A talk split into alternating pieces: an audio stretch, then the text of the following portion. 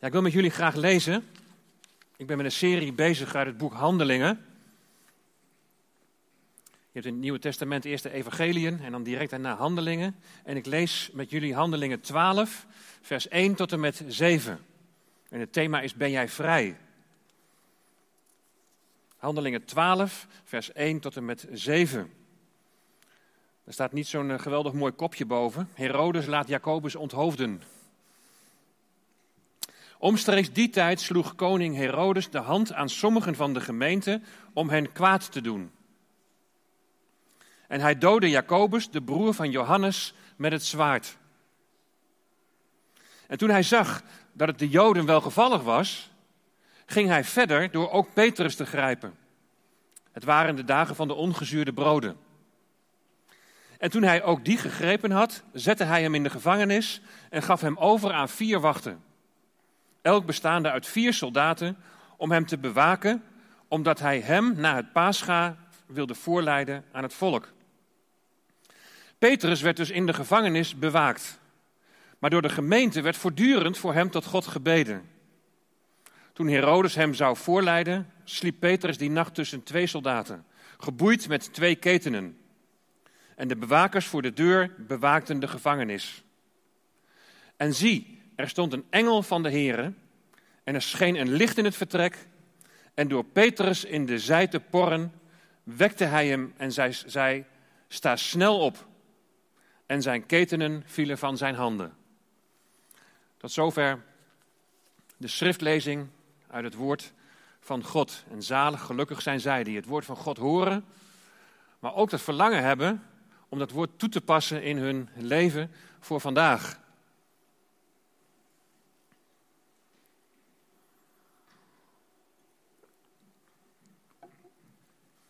Ben jij vrij?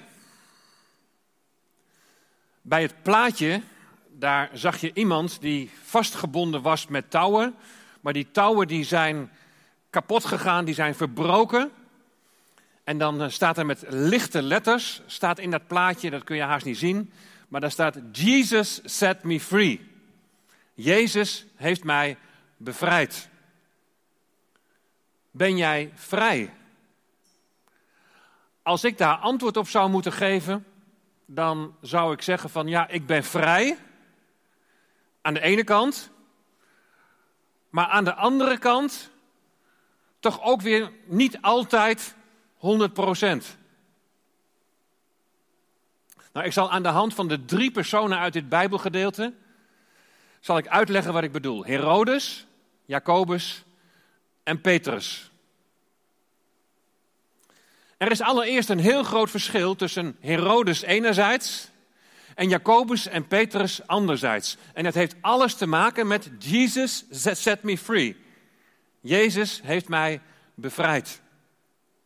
Wat is het verschil? Nou, Jacobus en Petrus, die geloven in de Heer Jezus als hun redder en verlosser. Ze beleiden Hem als Heer over hun leven, hun leven. En bij koning Herodes is dat precies tegenovergesteld. Hij vervolgt zelfs de gelovigen. Jesus set me free is dus van toepassing op Jacobus en Petrus, maar bij Herodes is dat zeker niet het geval.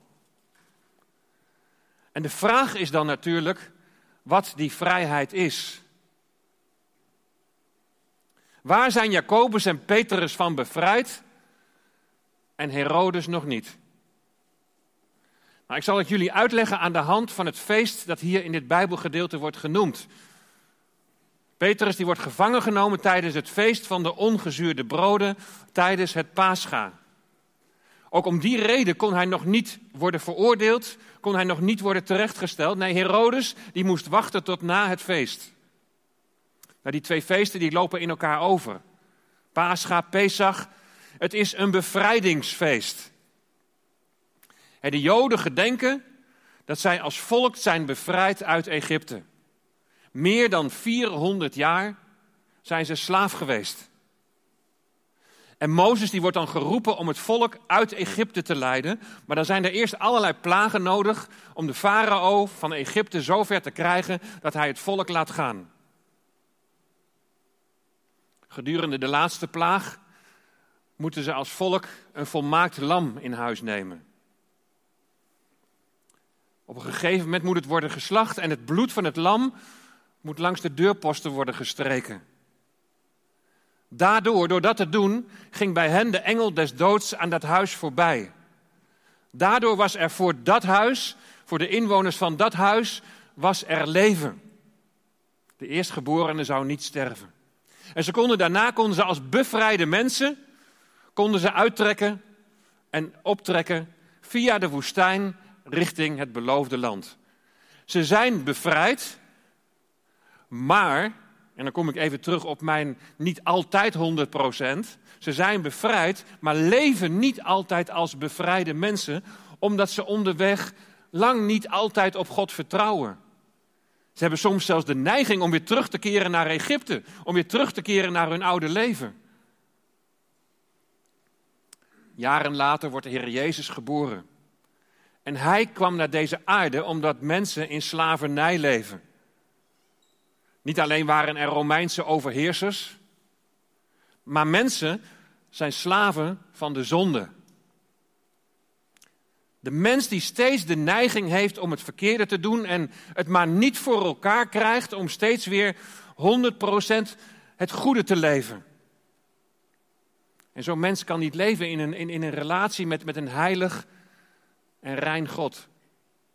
En dan zegt de Bijbel, en de zonde, het feit dat je gescheiden van God leeft, dat leidt tot de, leidt tot de dood, leidt tot de eeuwige dood.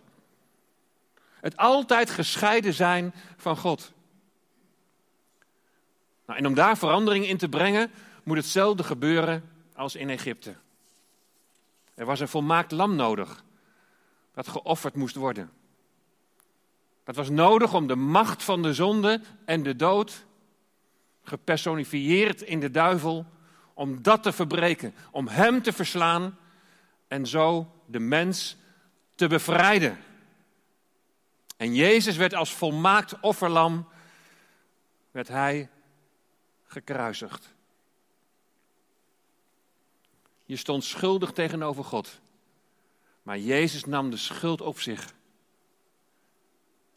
En door geloof in Hem is er vrijheid. Word je bevrijd en word je innerlijk vernieuwd. Word je in Hem een nieuwe schepping. En we zingen direct na deze overdenking dat prachtige lied van Sela over de doop. En Jeanette haalde het al even aan in haar getuigenis. Eén met Christus ingelijfd staan wij op van schuld bevrijd in een leven dat voor goed veranderd is. Dat is de ene kant van de medaille. En op grond hiervan kan ik volmondig zeggen: ik ben vrij. Bevrijd uit de macht van de zonde die mij van God gescheiden hield. Ben jij ook vrij? Dat hangt dus af van de vraag wie Jezus voor jou is. Daarom, Jacobus en Petrus zijn vrij in die zin, maar Herodes niet. Maar hoe zit het dan met de andere kant van de medaille? Het is dan de vraag of uit je leven, uit je manier van leven, uit je keuzes en beslissingen, of daaruit ook blijkt dat je echt in vrijheid leeft. Anneloes die had het over worstelingen in haar karakter en de neiging om weer in oude patronen te vervallen. En in zekere mate is daar misschien wel een stukje herkenbaarheid ook. En precies hetzelfde zag je ook bij het volk dat wilde terugkeren naar het oude, naar Egypte. Ik zal iets van die patronen laten zien, waardoor de vrijheid van Herodes, Jacobus en Petrus wordt beperkt. We beginnen bij koning Herodes. Hij vervolgt christenen. Laat Jacobus een kopje kleiner maken. En als hij merkt dat de publieke opinie op zijn hand is, dan grijpt hij ook Petrus. Ben je je wel echt vrij als je je laat leiden door de publieke opinie? Ben je wel echt vrij als je dat doet wat mensen van je vragen? Waarom, Herodes, vervolg je christenen? Waarom is het zo belangrijk wat mensen vinden van jou? En misschien begrijp jij ook van bepaalde mensen soms niet waarom ze doen wat ze doen. Of misschien begrijp je het wel niet van jezelf. En dan is het goed om, om je eens in die mens of in jouzelf te verdiepen. En dat heb ik met Herodes gedaan. Dan moet je eerst wel even weten om welke Herodes het gaat, want er worden er vier in de Bijbel genoemd. Je hebt Herodes de Grote, je hebt Herodes Antipas, je hebt Agrippa de Eerste, je hebt Agrippa de Tweede. Best wel belangrijk om te weten wie het is, want anders ga je in de verkeerde persoon verdiepen. Nou, in dit geval gaat het om Agrippa de Eerste. En Agrippa die is de kleinzoon van Herodes de Grote. Dat is die koning van die grote bouwwerken. Een opa dus die een machtswellusteling is, maar tegelijkertijd hartstikke paranoia. Daarom ook soms die bouwwerken. Altijd bang voor mensen die hem naar het leven staan. Daarom heeft hij bijvoorbeeld de vesting Masada laten bouwen. Hij is er bijna nooit geweest, maar voor het geval dat. Stel je voor. Bang voor mensen aan de ene kant en dan tegelijkertijd met ijzeren hand regeren. Neemt Agrippa iets over van zijn grootvader? Agrippa die werd geboren in 10 voor Christus. En hij groeide op in Judea, maar dat duurde niet lang. De vader van Agrippa, Aristobulus, die werd in 7 voor Christus werd hij terechtgesteld. Agrippa die was toen 10 jaar oud, of 4 jaar oud. Hij heeft dus op hele jonge leeftijd zijn vader verloren. En uiteraard heeft dat impact. Hij werd toen naar Rome gestuurd om daar verder te worden opgevoed. En daar ontstonden contacten en relaties met enkele leden van de koninklijke familie. Claudius en Gaius. Hij kwam in aanraking met de upper ten van de maatschappij. En hij moest toen hij wat ouder werd, moest hij natuurlijk wel meedoen om er een beetje bij te horen. Dus Agrippa die leende daar in, in Rome grote sommen geld die hij uitgaf. Hij, hij leefde eigenlijk boven zijn stand. Maar het gaat helemaal mis. In 23 na Christus, hij is dan 33 jaar oud, dan keert hij in grote armoede terug naar Judea en overweegt zelfs zelfmoord. Dus niet wat je noemt een bepaald stabiel leven. Antipas die gaf hem wat geld en die maakte hem opzichter in Tiberias. Antipas deed er, deed er een beetje lacherig over, over zijn afhankelijkheid. Die kleineerde hem dus nogal. Jong zijn vader verloren, kon niet met geld omgaan, komt berooid weer terug in Judea, overweegt zelfmoord. Wordt gekleineerd en gepest omdat hij niet op eigen benen kan staan. Dat heeft invloed op iemand. Dat kan niet anders. Maar dan krijgt hij contact met een oude vriend uit Rome, die inmiddels gouverneur is van Syrië. Dus ook weer iemand van stand, maar ook dat contact gaat mis. Want hij raakt daar uit de gratie omdat hij op een gegeven moment steekpenningen aanneemt. Een hang naar geld, een hang naar macht, een hang naar positie. En met geleend geld zeilt hij dan naar Alexandrië, naar Egypte, in de hoop dat hij zo op die manier de deurwaarder kan ontlopen. Maar dat vluchten is te vergeefs. Ze blijven hem op de huid zitten. En zo gebeurt er nog van alles. Hij moet nog zes maanden de gevangenis in, onder dreiging van executie, maar wordt dan toch weer vrijgelaten. En dan komt er ineens een ommekeer. Gaius, zijn vroegere vriendje uit Rome, die in 37 na Christus Tiberius opvolgde als keizer, die schonk Agrippa de gebieden van Zuid-Syrië en daarbij ook de titel van koning. Twee jaar later werd Agrippa's koninkrijk uitgebreid met Galilea en Perea.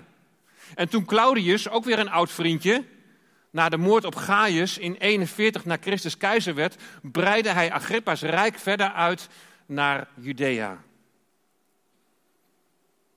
Zo weten we iets van het leven van Agrippa.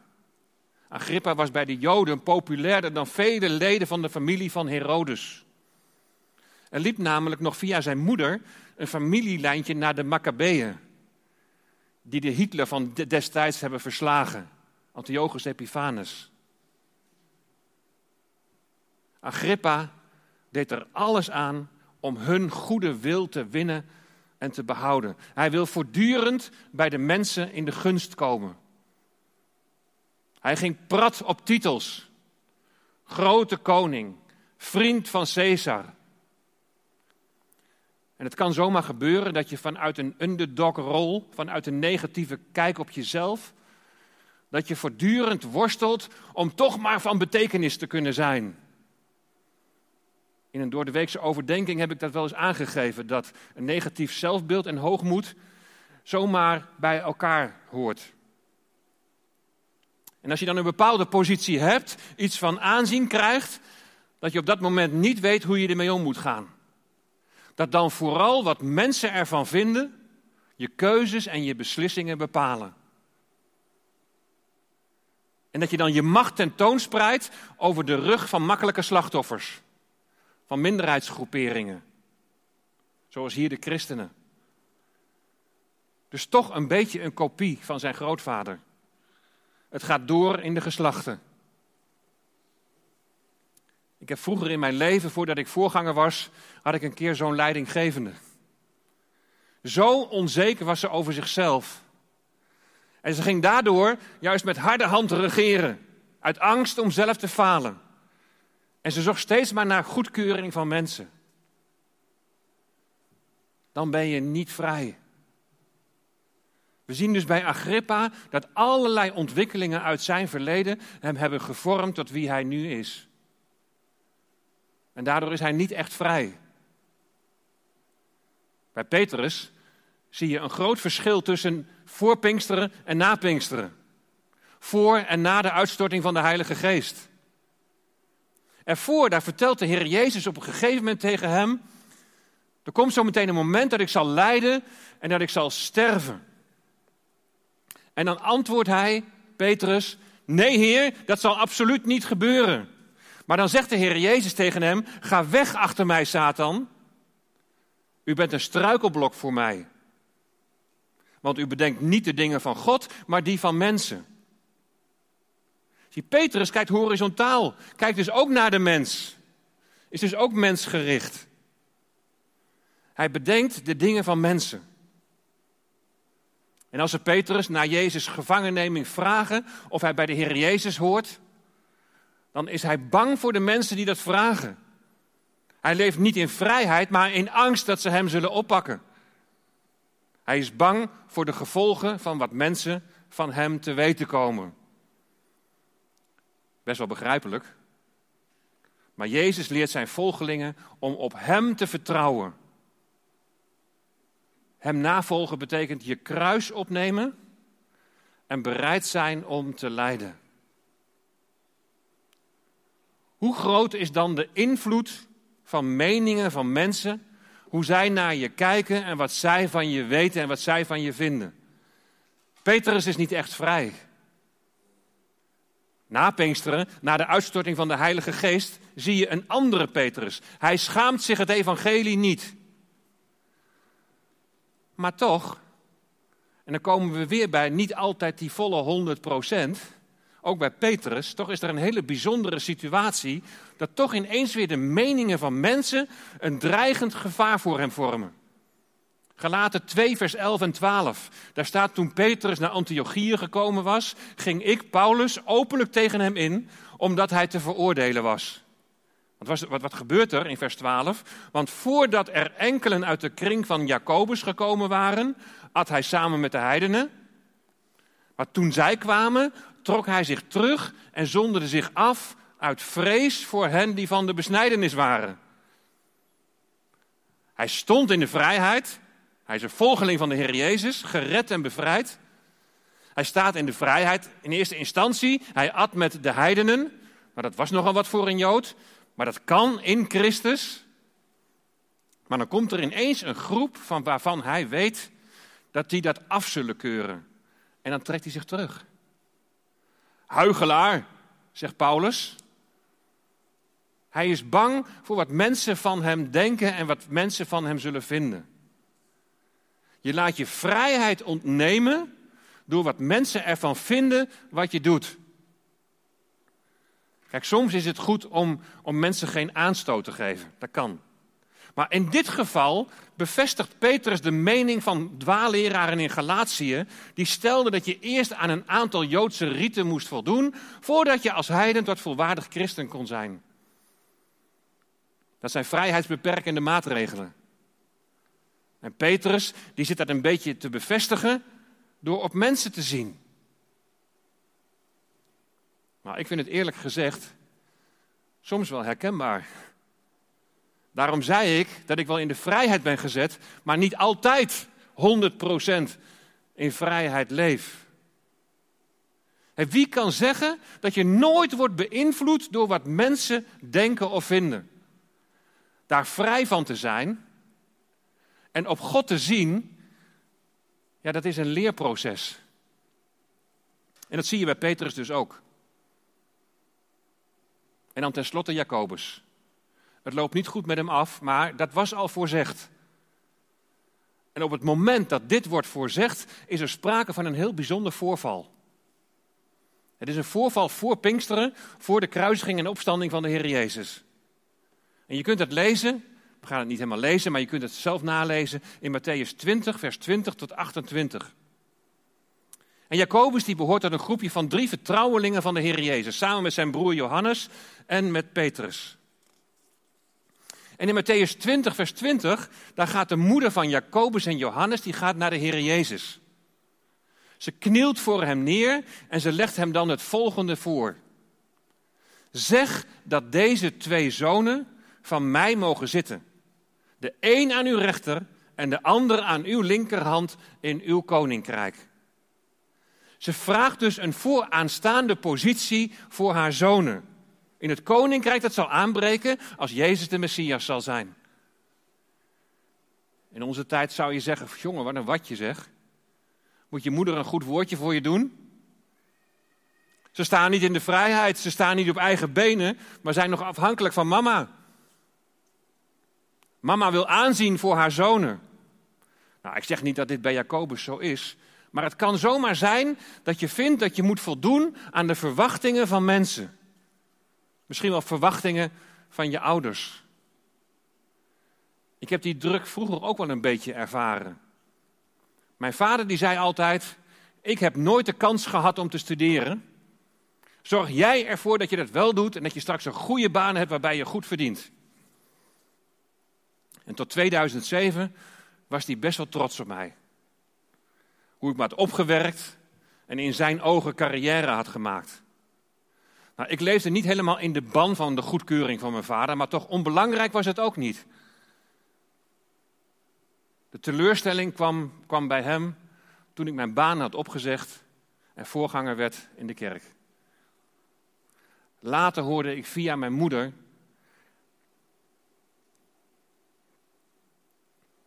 dat hij zo enorm heeft gehuild.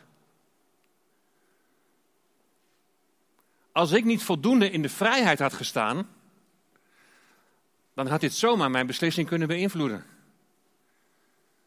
Hoe belangrijk is het wat je vader of moeder ervan vindt? En natuurlijk is het belangrijk om, om de wijsheid van ouders niet zomaar terzijde te schuiven. En natuurlijk wil je ook met je eigen keuzes, wil je ouders niet teleurstellen, wil je ze niet kwetsen. Maar hoe vrij ben je om je eigen keuzes te maken? Bijvoorbeeld zoals vanmorgen de keuze voor de doop. We horen vaak hoe moeilijk het is voor ouders als je kind ineens ook op grond daarvan een andere keuze maakt dan jij die voorstaat. En natuurlijk doe je dat dan niet om je ouders te kwetsen. Je bent respectvol. Respectvol naar je ouders die in het verleden daar wellicht een andere keuze in hebben gemaakt. Maar nu is het een kwestie tussen jou en God. Er zullen nu mensen luisteren en meekijken die wat die keuze betreft niet echt in de vrijheid staan. Belemmeringen om je niet te laten dopen is in de meeste gevallen, wat wij dan te horen krijgen, is wat de omgeving ervan vindt. Maar dan leef je niet echt in vrijheid. Dan zal de Heer Jezus, net als bij Petrus, ook tegen jou zeggen: Je bedenkt niet de dingen van God, maar je bedenkt de dingen van mensen. Ben je vrij? Allereerst ben je vrij in de zin dat Jezus jou heeft vrijgemaakt uit de macht van de zonde. Ben je al bij het kruis geweest? Heb je schuld bekend dat je gescheiden van God leeft en dat je een zondaar bent? En heb je Jezus redding, zijn genade, heb je het al aanvaard?